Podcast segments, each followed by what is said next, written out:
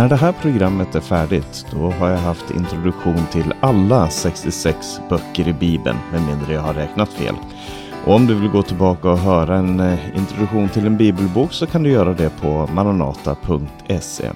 Men idag så ska vi ta oss an den allra sista boken och det är också den sista boken i Bibeln, nämligen Uppenbarelseboken, som är en av de mest omdiskuterade bibelböckerna någonsin. Det här är Radio Maranata och jag heter Paulus Eliasson. Johannes uppenbarelse eller uppenbarelseboken den hittar du allra längst bak i Bibeln. Den består av 22 kapitel och tar ungefär en och en halv timme att läsa igenom. Och jag kallar den för Johannes uppenbarelse här därför att eh, författaren identifierar sig själv och säger jag, Johannes, er broder. Och det handlade antagligen om aposteln Johannes, men det finns också teorier om att det ska kunna finnas en annan Johannes som kallas Johannes den äldre eller äldste. Eh, men det finns framförallt en hel del likheter i språket i Johannes evangelium och Johannes tre brev. Eh, och det är därför man menar att det här antagligen har samma författare och att det då är Johannes, eh, Jesu apostel.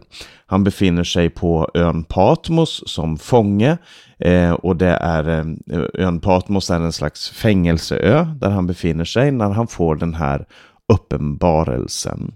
Och vi rör oss antagligen i mitten på 90-talet efter Kristus och det här är då eh, med stor sannolikhet den sista bibelboken eller kanske den näst sista om Johannes evangelium är skrivet efter det här.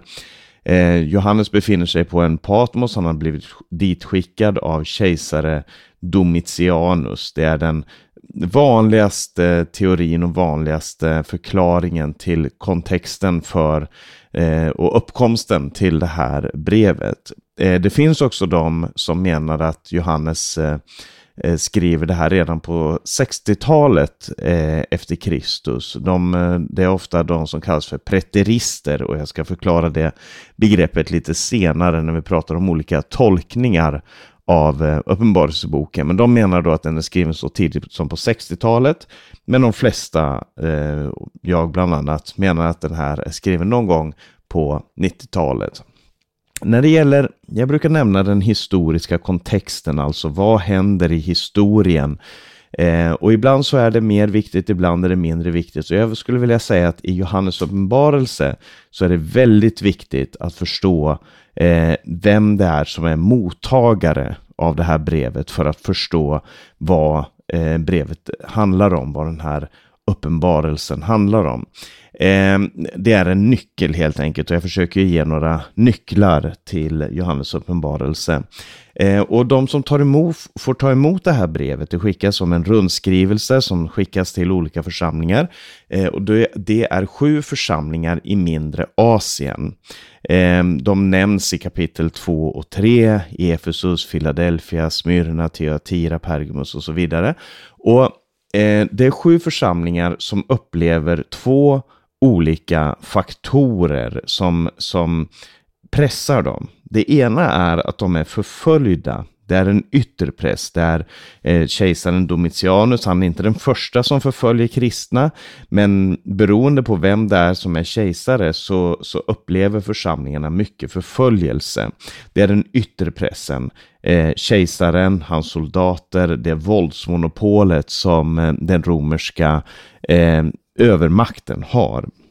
Det andra problemet, eller den andra faktor, faktorn som eh, påverkar och som sätter sin prägel på det här brevet, det är Eh, de inre faktorerna i församlingen som handlar om eh, den här förförelsen som de upplevde ifrån falska lärare. Det nämns i kapitel 2 och 3 om olika läror som hade kommit in i församlingen, förkunnare, eh, som personer och läror som företeelser som försökte få församlingen att kompromissa med världen. Så det ena var förföljelse eh, som, som ledde till martyrskap och det andra var en förförelse som ledde till kompromiss. Så frågan var om man skulle ge upp det man sysslade med och likformas eh, med den här världen och människorna runt omkring sig? Eller skulle man fortsätta att kämpa för evangelium? Det är de stora frågorna här och, och, och det här är, det är in i den situationen som eh, Johannes skriver det här. Och när jag läser Johannes, eh, Johannes uppenbarelse själv så brukar jag tänka på en tänkt person. Jag kallar honom Markus och han kommer från Smyrna. Markus ifrån Smyrna, han brukar jag tänka på när jag läser här. Så tänker jag, hur hade Markus uppfattat eh, den här berättelsen? Hur hade han sett på det som står här? Eh, och så försöker jag förstå historien utifrån hans perspektiv, därför att det var skrivet till honom och människorna runt omkring. Och det finns naturligtvis, eller antagligen så fanns det ingen person som, som är den här Markus i Tyatira, men, men det är en tänkt person som är mottagare av det här brevet då Johannes skrev det. Och det är viktigt för att förstå eh, betydelsen av brevet. Så det kan vara värt att tänka på, eller tänk på ditt eget sätt, men just att se det här är skrivet till en viss grupp i en viss situation. Eh, och sen brukar jag nämna någonting om genre. Det är en av de sakerna som jag ofta brukar sätta ganska mycket fokus på. Och när det gäller Johannes uppenbarelse så är det både komplicerat och väldigt, väldigt viktigt att förstå genren. Eh, för det första så kallas Johannes uppenbarelse för just en uppenbarelse. Eh, första versen säger detta är Jesu Kristi uppenbarelse. Jesus Kristus har fått en uppenbarelse från Gud Fadern som han har gett till sin ängel, som ängeln har gett till Johannes. Eh, och uppenbarelse på, på grekiska heter apokalypsis. Eh, och det känner vi igen ifrån uttrycket apokalyps. Eh, för oss så kanske det ofta betyder att världens undergång och att allting går mot en upplösning, det är en apokalyptisk eh, händelse och så vidare. Men apokalyps betyder att uppenbara någonting. Och apokalyptisk litteratur är en speciell genre där som var vanlig på den här tiden. Daniels bok är också skriven som en apokalyptisk skrift. Eh, det fanns också utombibliska böcker som Enoks bok och andra som skrev i den här genren. Och det är en genre där man beskriver det som sker på jorden från ett himmelsperspektiv. Alltså man uppenbarar hur Gud ser på saker och ting. Man visar hur Gud tänker och vad Gud vill i en given situation. Och ofta så gör man det med ett väldigt färgstarkt språk där man använder mycket symbolik. Så det är det första. Det andra är att det står i vers 3 att det här är en profetia. Och när vi tänker profetia så tänker vi nog saker och ting som ska hända i framtiden. Och det är inte fel, men det är heller inte hela sanningen. Därför att en profetia är ett budskap för församlingen från Gud. Alltså det är ett budskap från Gud. Den kan handla om framtiden, ja, många profetior gör det, men framförallt så handlar den om nutiden och var församlingen står just nu och vad Gud önskar att församlingen ska göra i den situationen som man är i just nu. Så det är först en uppenbarelse, sen är det en profetia, men för det tredje så är det också en epistel. Den är skriven som en epistel.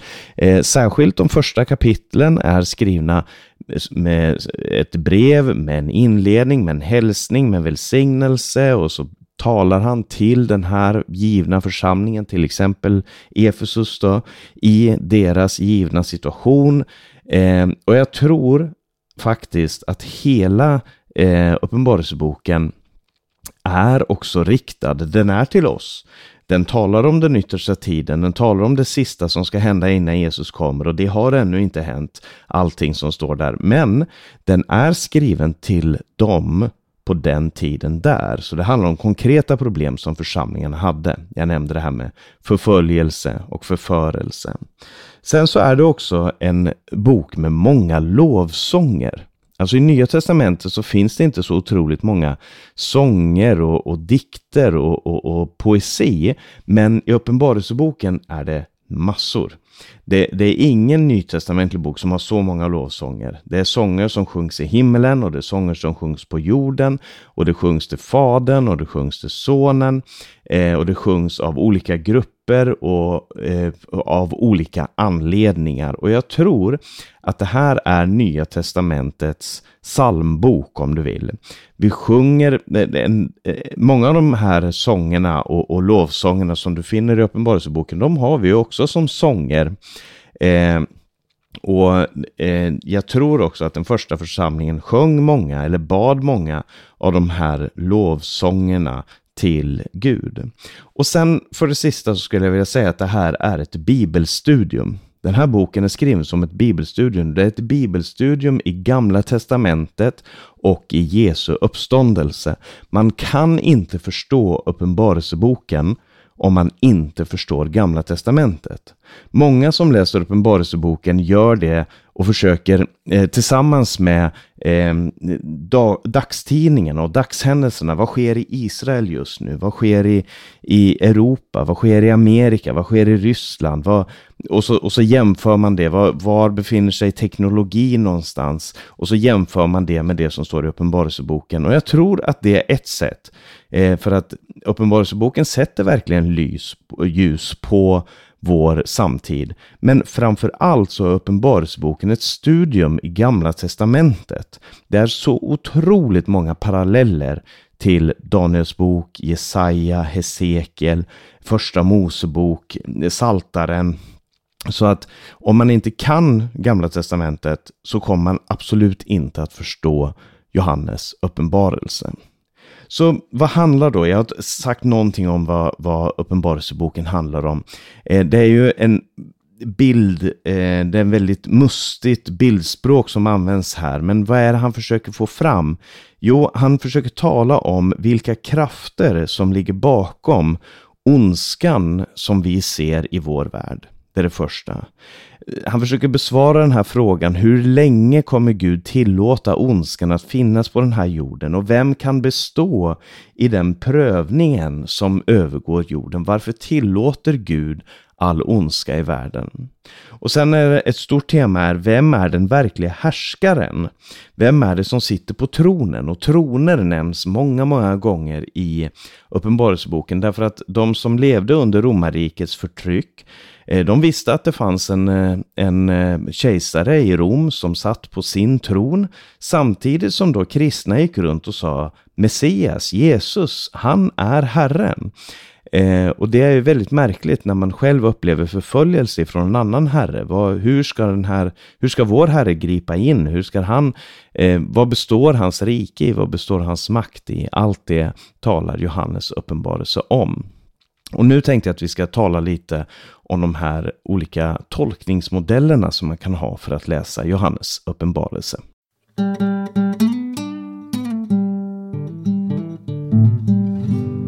Den första tolkningsmodellen som kanske är den vanligaste, den kallas för futuristisk, alltså framtidsriktad. Och då menar man att vid en viss tid så kommer det som står i Uppenbarelseboken börja ske. Eh, framförallt kapitel 4 till 22. Det kan ha börjat redan nu, men det kan också vara saker och ting som ska hända i framtiden. I framtiden så ska det komma två profeter som ska profetera i, i Jerusalem. I framtiden så ska vilddjurets märke tvingas på alla människor. Eh, i framtiden så ska det komma ett tusenårsrike. I framtiden så ska alla de här händelserna, de basunerna, eh, inseglen och, och vredeskålarna, de här kommer att utgjutas i, i ehm, eh, efterföljd. De kommer följa varandra genom hela framtiden. Eh, och det här är ju eh, den mest populära eh, tolkningen skulle jag tro. Den i alla fall bland pingstvänner och karismatiska. Eh, och det är den som jag växte upp med som växte upp i Maranata. Det var för förklaringen och tolkningen av Johannes uppen uppenbarelse. Eh, men det är inte den enda, utan en annan populär, kanske framförallt bland eh, kalvinister och reformerade, det är den som kallas, tolkningsmodellen som kallas för preteristisk. Preteristisk handlar om att allt det här redan har skett. Eh, det som beskrivs i Johannes uppenbarelse har till 90-95% redan skett. Och det skedde redan på 60-talet fram till år 70 då Jerusalem förstördes. För att det, det som man menar då är att det som beskrivs där är Jerusalems förstörelse och hur församlingen får Guds rike överlämnat till sig. Den preteristiska synen går ofta hand i hand med en slags ersättningsteologi. Så allting handlar om, då menar man att Johannes skrev det här före år 70 och det handlar om det som hände år 70. Jag ska inte förklara så mycket mer om det, men om man vill läsa en intressant bok i det ämnet så finns det en bok som, av Douglas Wilson som heter When the Man Comes Around, som är en ganska bra introduktion till den preteristiska synen. Så finns det det som kallas för den historiska synen som handlar om att man försöker tolka de historiska händelserna. Man tolkar de här sakerna som sker i, i i Uppenbarelseboken som historiska händelser. Ja, det här var när Napoleon gjorde det här, det här var när Hitler gjorde det, det här var när Israel fick sitt land, det här var... Och problemet med dem med, dem, eh, med den synen är att det väldigt ofta förändras. Eh, vad som var vissa uppfyllelser och vad som eh, skedde när man försöker placera in historiska händelser i Uppenbarelseboken så måste man också placera in Jesu tillkommelse någonstans. Och det är de som ofta hamnar i det här att man försöker förutsäga en dag eller ett datum då Jesus ska komma tillbaka. Och sen finns det också det som kallas för en idealistisk syn och det är kanske den mest populära eh, bland kristna idag som handlar om att Uppenbarelseboken talar om framtiden men den talar också om dåtiden. Alltså den tecknar mer en modell som vi kan använda för att tolka det som sker i världen. Precis som Uppenbarelseboken använde Babylon för att tala om sin samtid så kan vi använda Uppenbarelseboken för att tala om vår samtid. Vad är vår tids vilddjur? Vad är vår tids sköka? Vad är vår tids Babylon? Vad, vad, är de här sakerna i vår tid? Vad betyder lammet för oss? Vad betyder det, eh, vad betyder det att stå på Sions höjd? Vad betyder att vara Jesu brud och så vidare? Alla de här sakerna de beskrivs, eh, som beskrivs i Uppenbarelseboken är relevanta, var relevanta för de som eh, tog emot brevet då och det är också relevant för oss som ser det idag. Men inte framför allt som en eh, futuristisk beskrivning av hur saker och ting kommer bli i ändens tid, utan som en beskrivning av vad det betyder att vara en kristen. Och för min egen del så får jag säga att till viss del eh, så skulle jag säga att jag har gått från en strikt futuristisk syn på Johannes uppenbarelse, där jag sett allt det här som ting som ska hända i framtiden, till en mer idealistisk syn där jag ser att det här är ett budskap som gäller för församlingen i alla tider. Eh, och inte helt idealistisk och heller inte helt futuristisk. Den synen kallas ibland med teologiskt ord för eklektisk. Jag ska inte förklara mer om det, men, men kanske kommer jag tillbaka till Johannes uppenbarelse för att eh, gå igenom de här texterna för att se vilken underbar undervisning som finns och vilken underbar tröst som finns i den här texten för alla kristna i alla tider.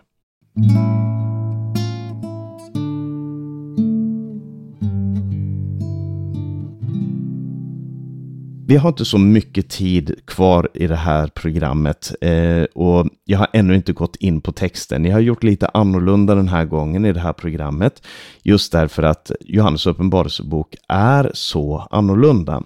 Eh, men jag ska komma tillbaka till Johannes uppenbarelse eh, i senare program och försöka gå igenom texten mer systematiskt. Men bara helt kort, vad är det som händer i de här kapitlen? I första kapitlet så möter vi Jesus som beskrivs som en överstepräst som går runt i den himmels, det himmelska templet och vakar över sin ljusstake. Han inspekterar sin ljusstake och ser de här lamporna som brinner och ljusstaken får vi veta det är Guds församling. Och då skriver han till de här sju församlingarna som representerar då de sju ljusstakarna. Eh, och i kapitel 2 och 3 så får de här sju församlingarna personliga brev från Jesus till dem. Där han varnar dem för att kompromissa med den här världen, varnar dem för falska lärare, varnar dem för ljumhet och slöhet och, och slapphet. Eh, men också uppmuntrar dem som lever under förföljelse, som lever i fattigdom, som lever under väldigt, väldigt svåra villkor. Och han ger löften till alla dem som vinner seger. Alla de som vinner seger oavsett vilken församling de tillhör, har ett löfte som Gud ger till dem. Eh, sen går, kommer vi in i kapitel 4 och där rycks Johannes upp till himmelen. Han kommer i anden och han rycks upp till himmelen och han får se Gud som sitter på tronen. Och som jag sa, det är väldigt viktigt i Johannes förkunnelse att Gud sitter på tronen. Det är inte Domitianus som sitter på tronen, även om han sitter på tronen på jorden, utan den verkliga härskaren är Gud, Pantokrator, allsmäktig. Gud den allsmäktige sitter på sin tron och runt honom så står de här olika grupperna. Det är både änglar och människor och olika andeväsen som tillber honom. Som tillber Gud för att han har skapat och senare tillber lammet eh, som Jesus kallas, lammet som är slaktat, tillbes för att han har frälst människor. Och så i kapitel 6 till 16 så beskrivs eh, lite parallellt och lite går de in i varandra, lite seriellt. Sju olika insegel som bryts. Sedan sju trumpeter som det blåses i och så sju skålar med Guds vrede som hälls ut över jorden. Och det här är parallella beskrivningar av kampen mellan Gud och djävulen och hur den ser ut på det andliga området. Så det är en tröst till församlingen, en förklaring till församlingen. Vad är det som händer i den här världen egentligen? När ni upplever förföljelse, var kommer den ifrån? När ni upplever motgång, var kommer den här motgången ifrån? Var kommer allt det som ni upplever ifrån? Jo, säger, säger eh, Johannes i Johannes uppenbarelse, den kommer ifrån de här eh, andliga eh, verkligheten, de, den andliga verkligheten som ni lever under. Och vi får beskrivet för oss, alltså vi tror på treenigheten, Fadern, Sonen och den helige Ande och de beskrivs i Uppenbarelseboken som Gud den allsmäktige, Lammet och den helige Ande. Eh, men på den andra sidan så har vi också det som kallas för den oheliga treenigheten, eh, som inte är en treenighet, men det är eh, de står mot eh, Guds eh, mot Gud, Fader, Son och helig Ande. Och det är draken, som är djävulen, vilddjuret, som är, ska vi säga, eh, den utförande statsmakten i, i världen, eh, och den falska profeten, som är den falska religiositeten i den här tiden. Så eh, Fader, Son och den helige Ande kontra draken, vilddjuret och den falska profeten. Och så visade det sig att lammet, Jesus, segrade eh, över draken. Det är en kamp mellan ett lamm och en drake. Och lammet segrar genom att låta sig slaktas, men sen återuppstå igen. Och på samma sätt så vill Johannes beskriva för oss att de som följer lammet vart det än går, eh, om det går till Golgata, om det går till Sions höjd, så de som följer honom kommer att få leva och uppleva samma saker. De kommer få gå igenom detsamma som Jesus gjorde därför att de lever på samma sätt som han. Medan de som följer draken, de som följer vilddjuret, de kommer att få uppleva hans öde. Det är budskapet i kapitel 6-16, Väldigt kort och enkelt eh, gått igenom. Och sen har du kapitel 17 till 19 som handlar om Babylons fall. Där kan du läsa om skökan och Babylon. Och Babylon används, när Babylon beskrivs här så verkar det ganska tydligt att det handlar om Rom. Och skökan den livsstilen som man levde i Rom, den, den eh, ja, alla, alla rikedomar, alla eh, sättet, kulturen som folk levde, eh, den, ska vi säga, drakens församling. Alltså senare så beskrivs Lammets brud som alla de troende är. Men här så beskrivs, ska vi säga, vilddjurets sköka. Eh, så de står också mot varandra. Om du har Fadern, Sonen och den helige Ande mot vilddjuret, eh, mot draken, vilddjuret och eh, den falska profeten, så har du också bruden som står mot skökan i Johannes uppenbarelse. Eh, och så Babylon faller, står det i kapitel 17 till 19. Och sen i kapitel 19 och 20 så kommer det sista kriget. Eh, det rustas till ett väldigt krig eh, med bilder ifrån Hesekiel bland annat om Gog och Magog. Men så kommer inget krig, utan han som rider ut i det här kriget, han har redan en blodig mantel för att det är Jesus. Han har redan dött. Och han vinner seger, inte genom att döda och dräpa, utan genom sin muns svärd, står det. Och det, du finner faktiskt inget krig. De samlas till Harmageddon, men sen är det bara över. Och så döms eh, vilddjuret, draken, den falska profeten kastas i den, brinnan, eh, i den brinnande elden och alla som har följt honom kastas i den brinnande elden, i helvetet om du vill. Eh, och ondskan döms och sen kommer kapitel 21 och 22, det nya Jerusalem. Och det här, här blir bilderna så otroligt starka, så otroligt många, att det nästan är svårt att hålla reda på. Det talas om ett tusenårsrike, eh, det talas om ett tempel, om en stad, det beskrivs en lustgård med livets träd, Eh, staden beskrivs som en brud och det här är otroligt många kopplingar till Gamla Testamentet och framför allt till Första Mosebok. Så den sista boken, de sista kapitlerna i den sista boken i Bibeln är otroligt kopplade till den första boken i Bibeln och de första eh, kapitlerna. Och allt det här ska leda fram till att vi blir tröstade. Och om du inte har blivit tröstad när du har läst Johannes uppenbarelse, om du inte vill sjunga lovsången när du har läst igenom, då måste du läsa den en gång till. För det är det den är till för, en tröst för Guds folk i den yttersta tiden. Amen.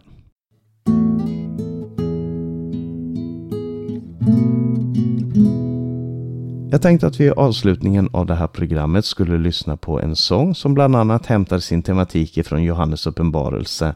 Och det är sången Jag prisar dig av Kristina Imsen. Eh, men jag ska bara nämna att du har lyssnat på Maranata Podcast. Jag heter Paulus Eliasson. Vi sänder över Stockholm och Örebro närradio de här programmen.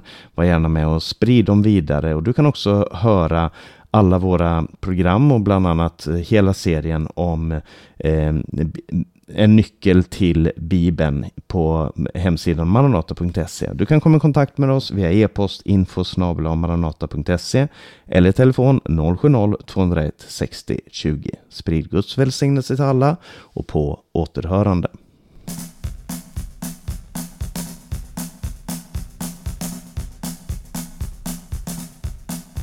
Jag prisar dig O Krist, jag prisar dig! Jag prisar dig! Jag prisar dig! O Jesus Krist, jag prisar dig Jag såg en räddad skara som tågat från Egypten som sett Guds nåd i Röda havets djup Miriam ledde, alla sjöng dansade och sjöng Guds lov Jag prisar dig, jag prisar dig O Jesus Krist, jag prisar dig. Jag prisar dig, jag prisar dig. O Jesus Krist, jag prisar dig. När Paulus och Silas satt fångna i Filippi man sjöng ett lov trots fängelse och natt. Muren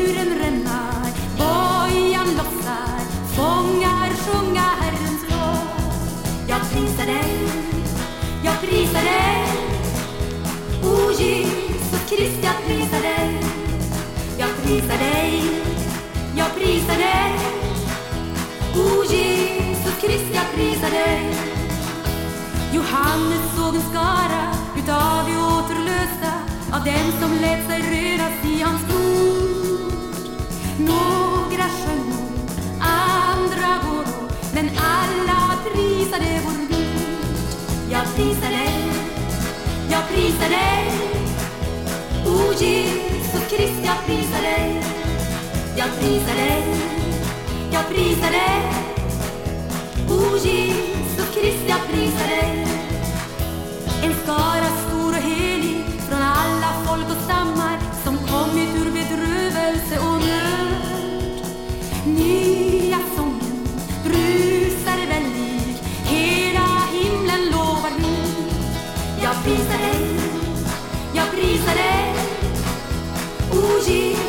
Jesus Krist, jag prisar dig. Jag prisar dig, jag prisar dig. O Jesus Krist, jag prisar dig. Jag prisar dig, jag prisar dig. O Jesus Krist, jag prisar dig. Jag prisar dig, jag prisar dig.